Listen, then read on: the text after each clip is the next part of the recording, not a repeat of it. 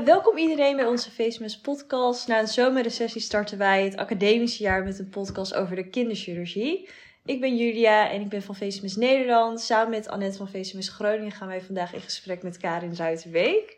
Karin Ruitenbeek is kinderchirurg in het UMCG en heeft gestudeerd aan de Rijksuniversiteit Groningen. Welkom, dokter Ruitenbeek. Dankjewel. Kun je jezelf kort voorstellen?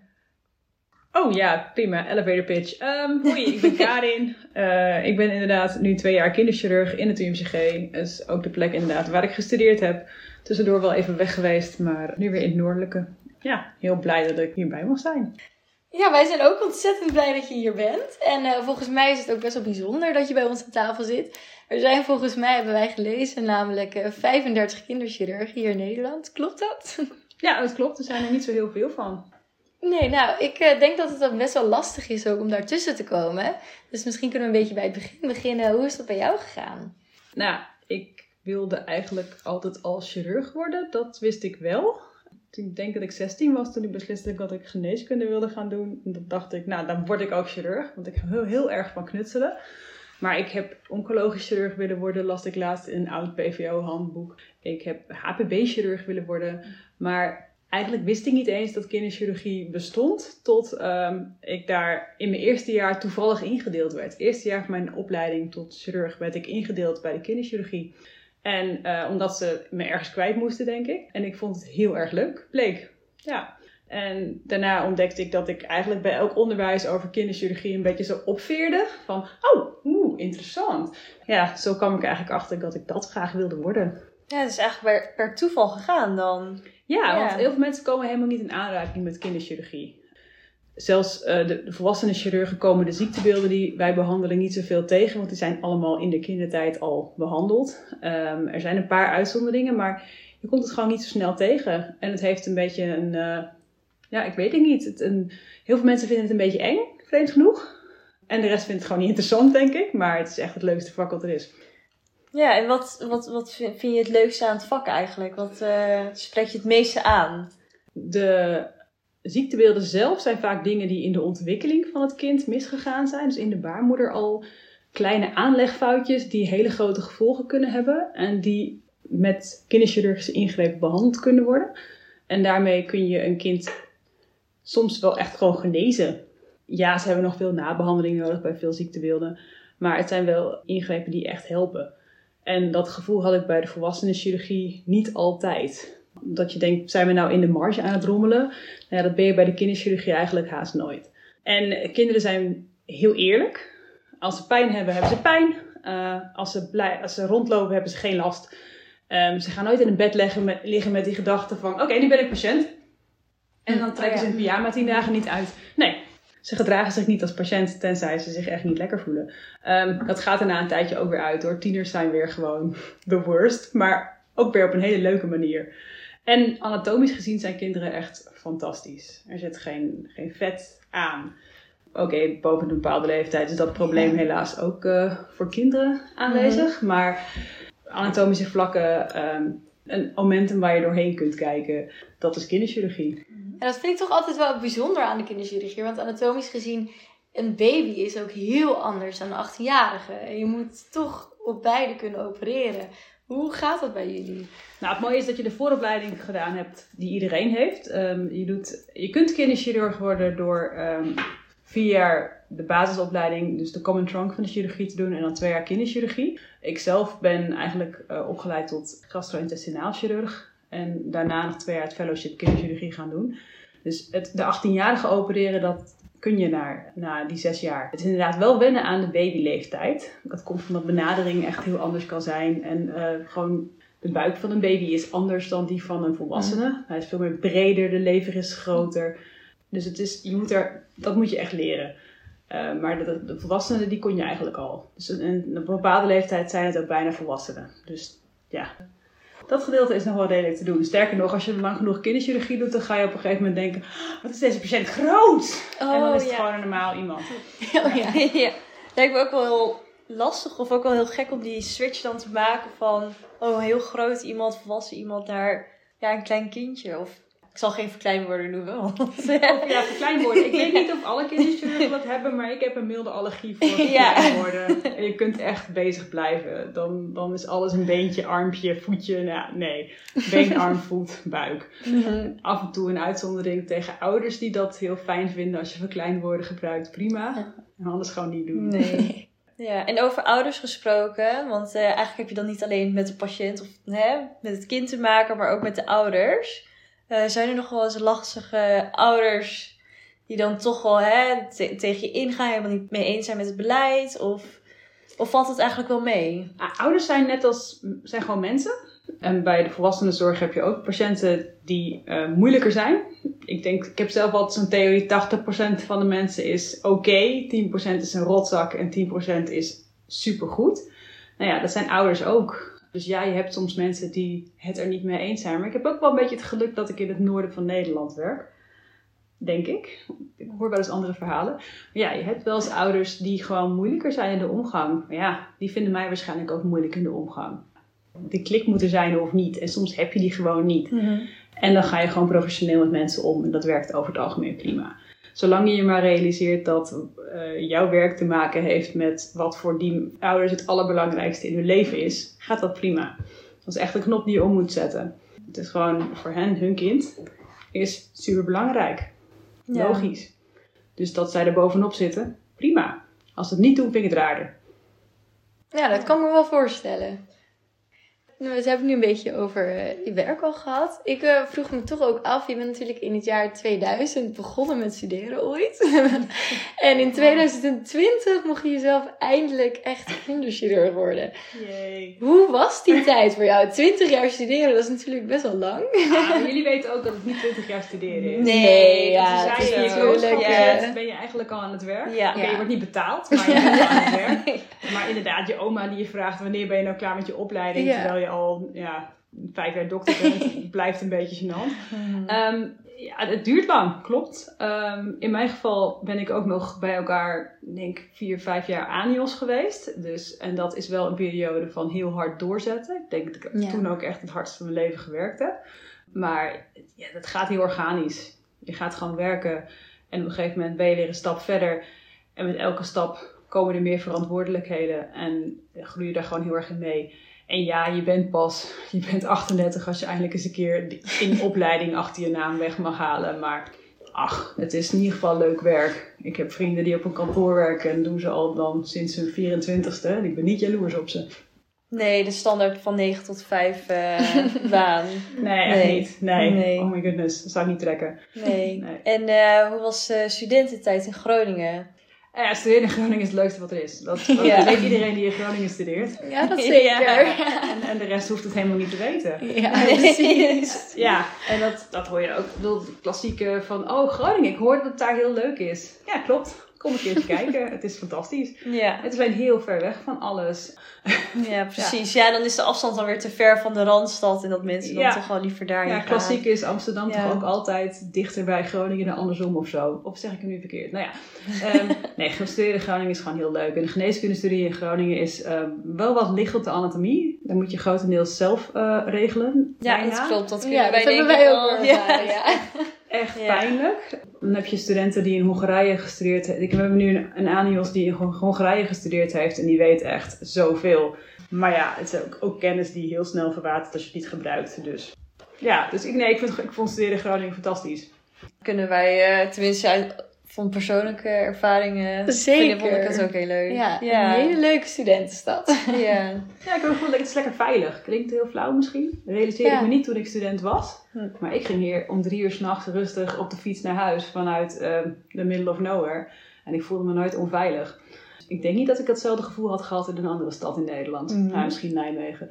Maar de grotere steden, nee. Lekker kleinschalig allemaal. Je, Ja. bent, Ja. eh, je bent overal zo. Ja, Ja. Mensen in Groningen vinden 10 minuten, verder dan 10 minuten fietsen, vinden ze ver. ja, precies. Ja. Mhm. Dat is mooi. En de kooschappen, hoe heb je dat ervaren?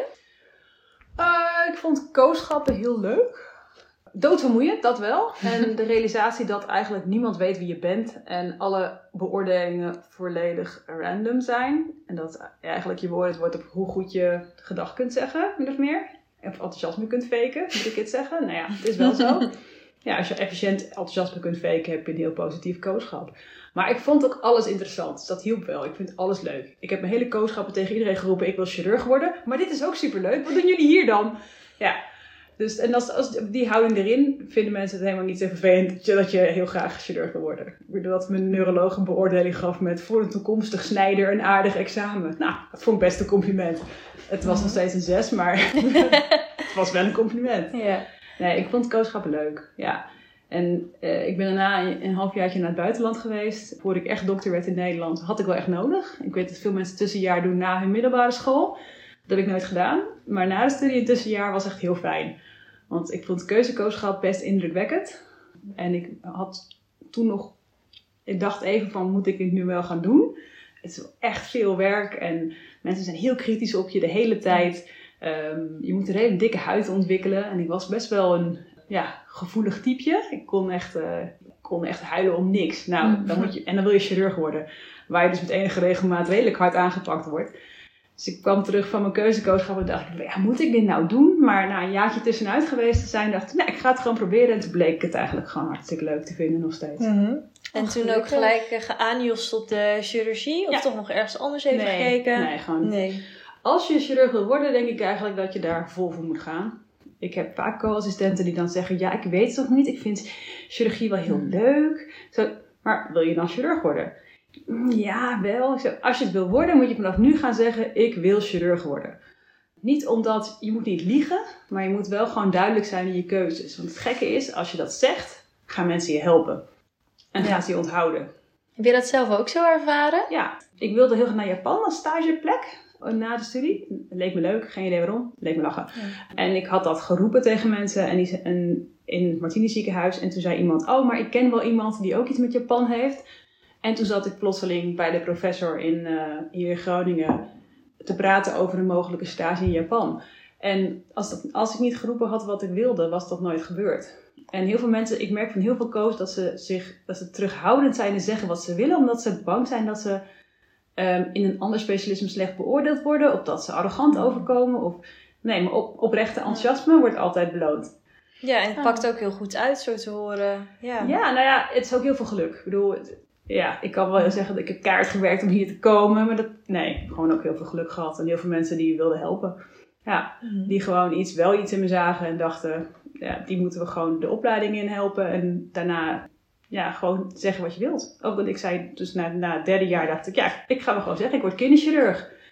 En toen weet ik nog dat een van mijn opleiders zei, ja, wij doen alles om jou opleiden tot chirurg en jij doet alles om werkloos te worden. Dus met die 35 kinderchirurgen was die opmerking bedoeld. Ja, dan zat de moedje wel even in. Ja. Zo. Ja, maar hij had wel een punt. Er zijn natuurlijk heel weinig kinderchirurgen en de kans dat je een plek krijgt is niet zo heel groot. Maar er zijn ook niet heel veel mensen die het heel graag willen.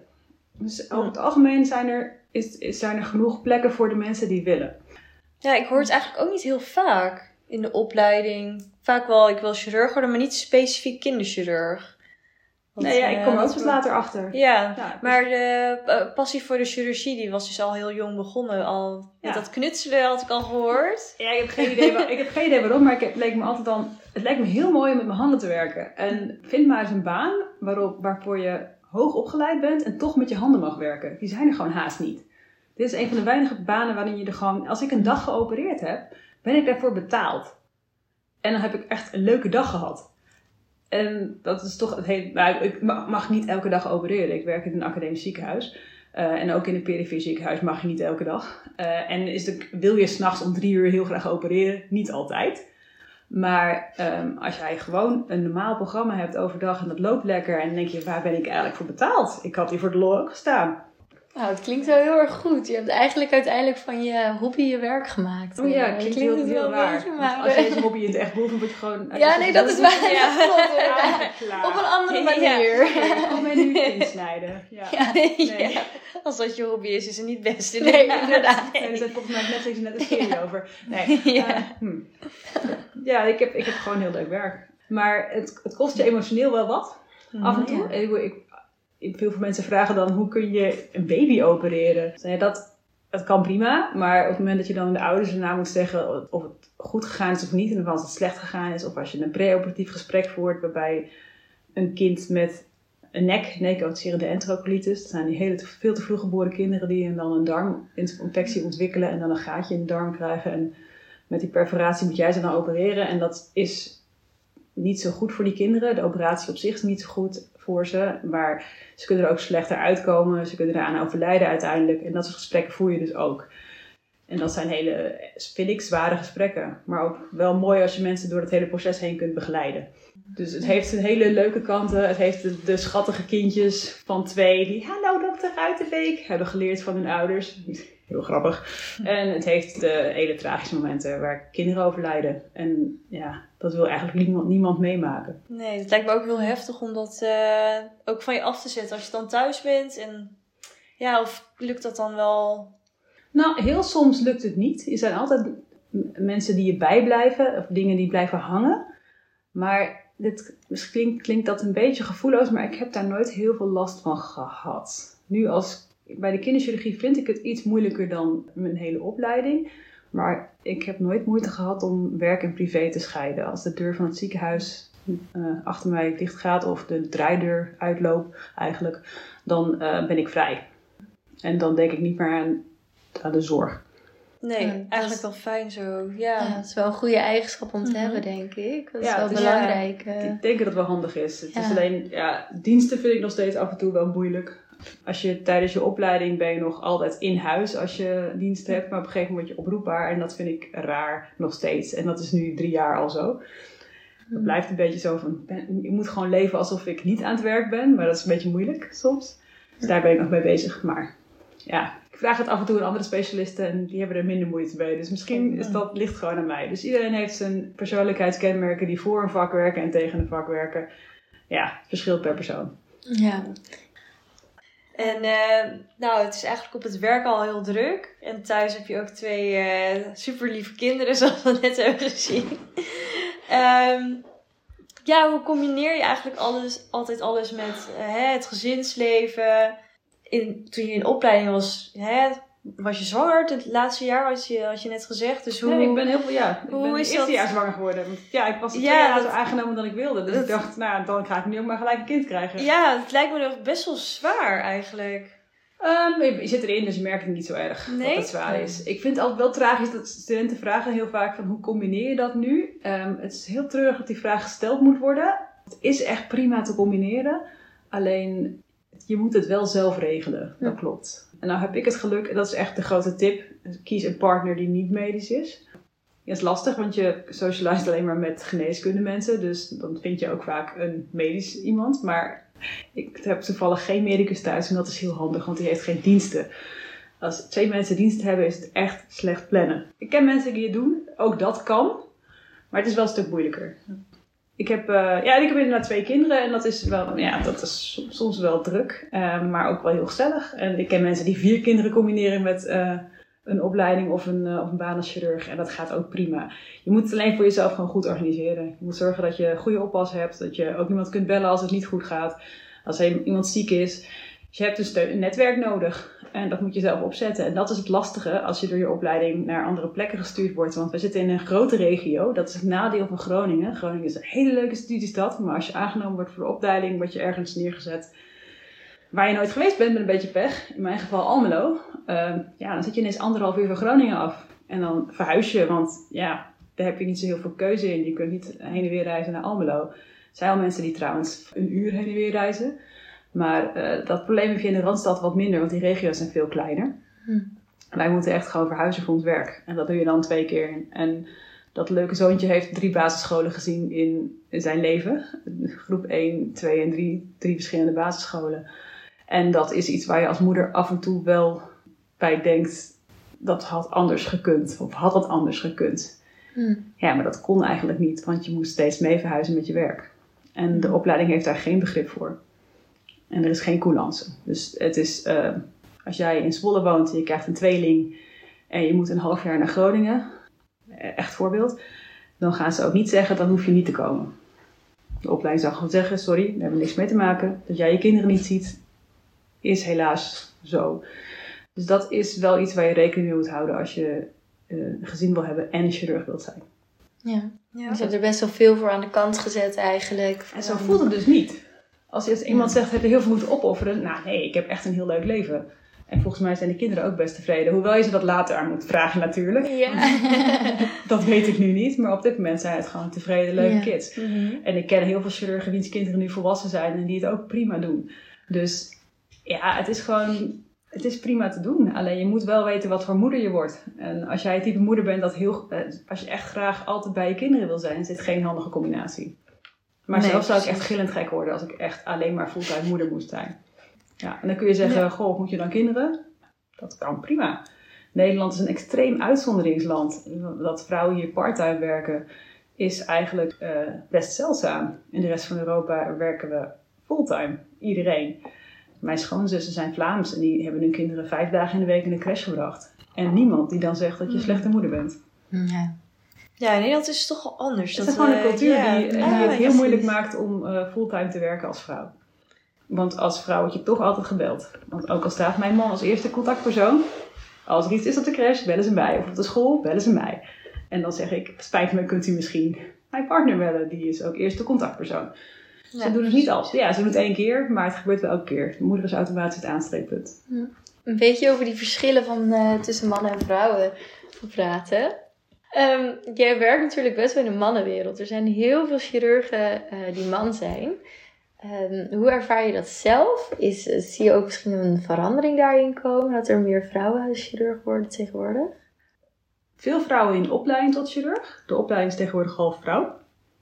Ehm, het glazen plafond lijkt zich een beetje verplaatst te hebben naar de overgang van chirurg de opleiding naar chirurg. Dit is geen populaire mening, maar ik denk echt dat de perifere klinieken nemen veel minder vrouwen dan mannen aan. En veel van mijn vriendinnen zijn verdwenen naar, ehm, naar het buitenland, van mijn, van mijn chirurgievriendinnen. Dus ik heb wel het gevoel dat af en toe vrouwen worden opgeleid om eh, naar het buitenland te gaan. Dat de Nederlandse vrouwelijke chirurg een exportproduct aan het worden is. Maar dat is een beetje gro- ehm, grof gezegd hoor. Het- Ik ben geneigd tot, eh, tot simplificeren. Dat is misschien ook wel een beetje chirurgisch. En er zal niet iedereen met mij eens zijn. En er zijn eh, heel veel vrouwen die wel gewoon een, eh, een plek hebben. Maar eh, ik werk echt heel graag met mannen. Ik vind die 50-50 hartstikke goed. Ik denk wel dat vrouwen harder hun best moeten doen om even ver te komen. En ik denk, als ik naar studenten kijk, delen zij dat gevoel. Ik vraag het af en toe namelijk aan de vrouwelijke studenten. Want in, de, in de studie is het volgens mij 80% vrouw, 20% man. Misschien zelfs 10% man. En ja, we willen allemaal graag mannen in de opleidingen, in elke opleiding. En dat maakt het voor de heren volgens mij makkelijker om erin te komen. En dat is niet omdat, zij, omdat ze nou... Ze zijn net zo goed hoor. Ik, bedoel, ik, wil, ik, wil ook niet, ik ben geen mannenhater. maar ik heb wel het gevoel dat je als vrouw twee keer zo goed moet zijn om er te komen. Ja.